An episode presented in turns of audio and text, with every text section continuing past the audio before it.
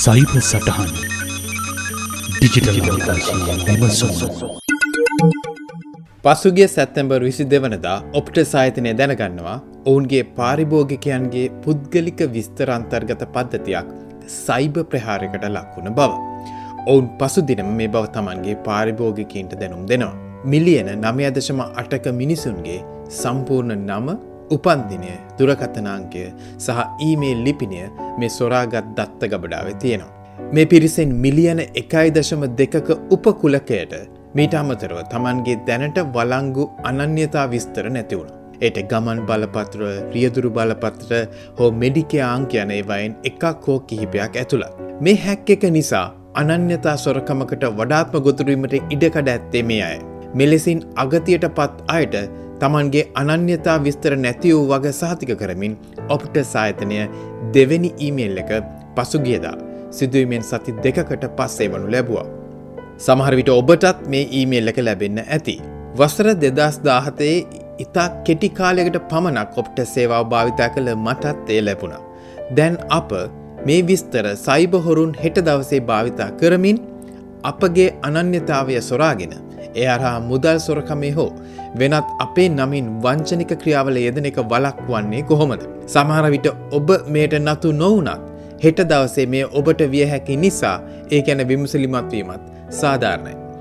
එනිසා අද සයිබ සටහනෙන් අපි කෙටියෙන් විමසා බලමු මෙලෙසින් අපගේ දත්ත සයිබ ප්‍රහාරයකට ලක්වූ නොහොත් අප වහා ගතයුතු ක්‍රියාමාර්ග මොනවාද කියලා. මූලිකම කාරණය අපට ලැබෙන ඊමේල් කෙටි පනිවිඩ සහ දුරකත නැමතුම් ගැන අප අතිශය පරිස්සම් විය යුතුයි. නොදන්නා ලිංක් කලික් කිරීමෙන් වලකින්න. ඒ හරහා සයිබවරුන්ට පුළුවන් ඔබ හොර වෙබ් අඩව වෙත ගෙන ගොස්. ඔබේ මුදල් හෝ වෙනත් පුද්ගලික දත්ත හොරාගන්න. එම නැත්නම් වෛරසාදී මැල්වයා ඔබගේ පරිගණකය හෝ දුරකතනය ස්ථාපිත කරන්න. ඔප්ට සාහිතනය සඳහන් කරනවා ඔවුන් එවන කිසිම ඊමේල් එකක හෝ කෙටි පණවිඩ එක ලිංක් එවන්නේ නැති බව. පුරුද්දක් විදියට අදාලා ආයතනවල නිල වෙබ් අඩවියට කෙලින්ම පිවිසීම හැර ලිංක් ක්‍රික්කිරීම හරහා ඒ වෙත නොයන්න. මේ හැක්කිරීම කළ පාර්ශවය ඒ සඳහා ඉතා විශාල කප්පමක් ඔප්ට සාහිතන නිල්ලා සිටිය. පාරිභෝග්‍යයන් දහදාහගේ විස්තර අන්තර්ජාලයට ඔවුන් උදාහැරියේ ඔප්ට සාහිතනය බියගන්නන්නට වගේ. නමුත් කිසි විටක ඔප්ට සාහිතනය මේ කප්පම ගෙවන්නේ නැහැ. අන්තිමය වුණේ වෙනත් සයිබහොරුන් මේ විස්තර භාවිතා කරමින් මේ වින්දිතයන් වෙනත් වංචාරහ ගොදුරු කර ගැනීමට උත්සාහ කිරීම. මෙලෙසින් බොරදියේ මාළු බානට උත්සාහ කළ අවුරුදු දහනම්යක කොළුවෙක් නිව් සෞත්වේස් ප්‍රාන්තයකදී පසුගෙදා අත්තඩංගවට ලක්වුණා. ඔහුට තියෙන චෝදනාව කෙටි පනිවිට හරහා පුද්ගලික විස්තර අන්තර්ජලයට මුදාහන්නු පුද්ගලයන්ගෙන් මුදල් ඉල්ලා තර්ජනය කිරීම. ඒ නිසා ඊමේල් කෙටි පනිවිඩ සහ දුරකතන හරහා ඔබ වෙත එන සියලු පනිවිට ගැන අතිශ්‍යය පරිස්සම් වෙන්න. ස්කෑම් වොච් වෙබ් අඩවිය ලියාපදිංචුවීම හරහා මේ ගැන නිරන්තරයෙන් ස්කෑම් ඇලර්ටස් ලැබීමත් ඉන්න ආරක්ෂාවෙන්න හොඳ දැනුවත් කිරීමක් වේවි. දෙවන කාරණේ. ගිනුම් ආරක්ෂය කිරීම වෙනුවෙන් කළ හැකි තාක්ෂණික ක්‍රමවේදයන්. බැංකු හෝ රාජ්‍යය ගිනුම් වගේම සමාජ්‍යාලා ගිනුම් වලටත් මල්ටිෆෙක්ට ඔතෙන්ටිකේෂන් ක්‍රියාත්මක කරන්න. ඒ කියන්නේ පාස්වඩ් එකට අමතරව තවත් සාධකයක් එකතුවීම නිසා සාපේක්ෂව වැඩි ආරක්ෂාවක් ඔබේ ගිනුමට ලැබීම. පාස්වඩ් කියන්නේ මොන්න තරම් ප්‍රිය නොහු දෙයක් වුණත් අකමැත්තෙන් වුණත් කියන්න වෙන්නේ හැම එකටම එක්කම පාසඩ එක නොදා වෙනස් සංකින්න පාස්වඩ් භාවිතා කරන්න කියලා. මේක කිසි දිනක හරියට කරන්න බෑ පාස්වඩ් මැනේජ එකක් නැතු.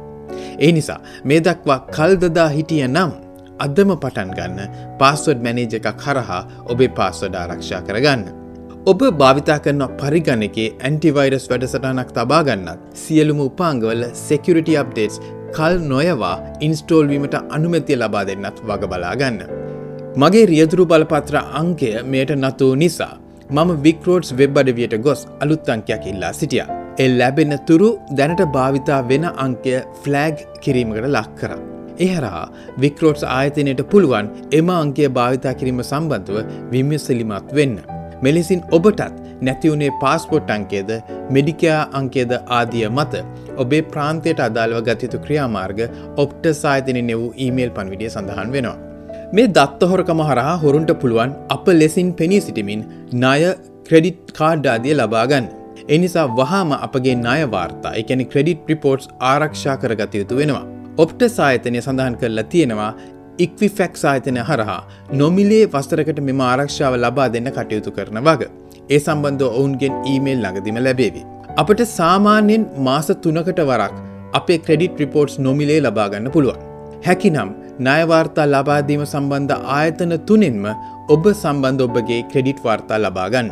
මේට අමතරව තාවකාලිකව ක්‍රෙඩිට් බෑන් එකක් යෙදවීම හරහා අනවසරෙන් අප නමින් වෙනත් කෙනෙක් මූල්ලමය කටයුත්තක යෙදීම වැලැක්විය හැකි. මේද නොමිලේ ලබාගත හැකි සේවාවක් නිසා ඔබට මා මතක් කරනවා හැකි ඉක්මනින් මේ ආරක්ෂණ ක්‍රමවෙදය ක්‍රියාත්ම කරන්න කියලා. මා දන්නවා මෙතන බොහෝ විස්තර කියවුණ. ඔබට සමහරවිට මේ ආරක්ෂණ ක්‍රමවේද සම්බන්ධව වැඩි විස්තරත් අවශ්‍ය ඇති. ඒ වෙනුවෙන් ඔබට සියල්ලුම විස්තර idcare.org වෙබ් අඩවියෙන් ලබාගන්න පුළුවන්. නැවත සඳහන් කරන්නම් එම ලිපිනය idcare.org අප කෙතරම් පරස්සමෙන් වාහනය පැදවුවත් මාර්ගයේ අපේ වරදක් නැතිව අනතුරුවෙන්න පුළුවන්. නමුත් ඉන්න අදහස් වෙන්නේ නැහැ අප පරිස්සමෙන් නොයා යුතුයි කියා මෙත් එවැනි අවස්ථාවක්.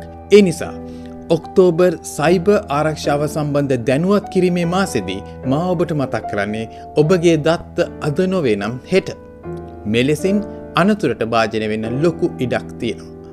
ඉන් වෙන හානිය අඩුකරගත හැක්කේ ඒ සම්බන්ධව දැනුමින් සන්නද්ධව සබුද්ධිකව ගන්න ක්‍රියාමාර්ග හරහම පමණයි. කල් නොදමමු අධ්‍යම ක්‍රියාත්මක වෙමු. සයිබ අපරාධකරුවන්ට නත්තු නොවෙමු. සයිබ සටහන පිටපත සාකතනය චම්පිරි අටගම සංස්කරණය සහ නිෂ්පාදනය උදය ගෝවින්න.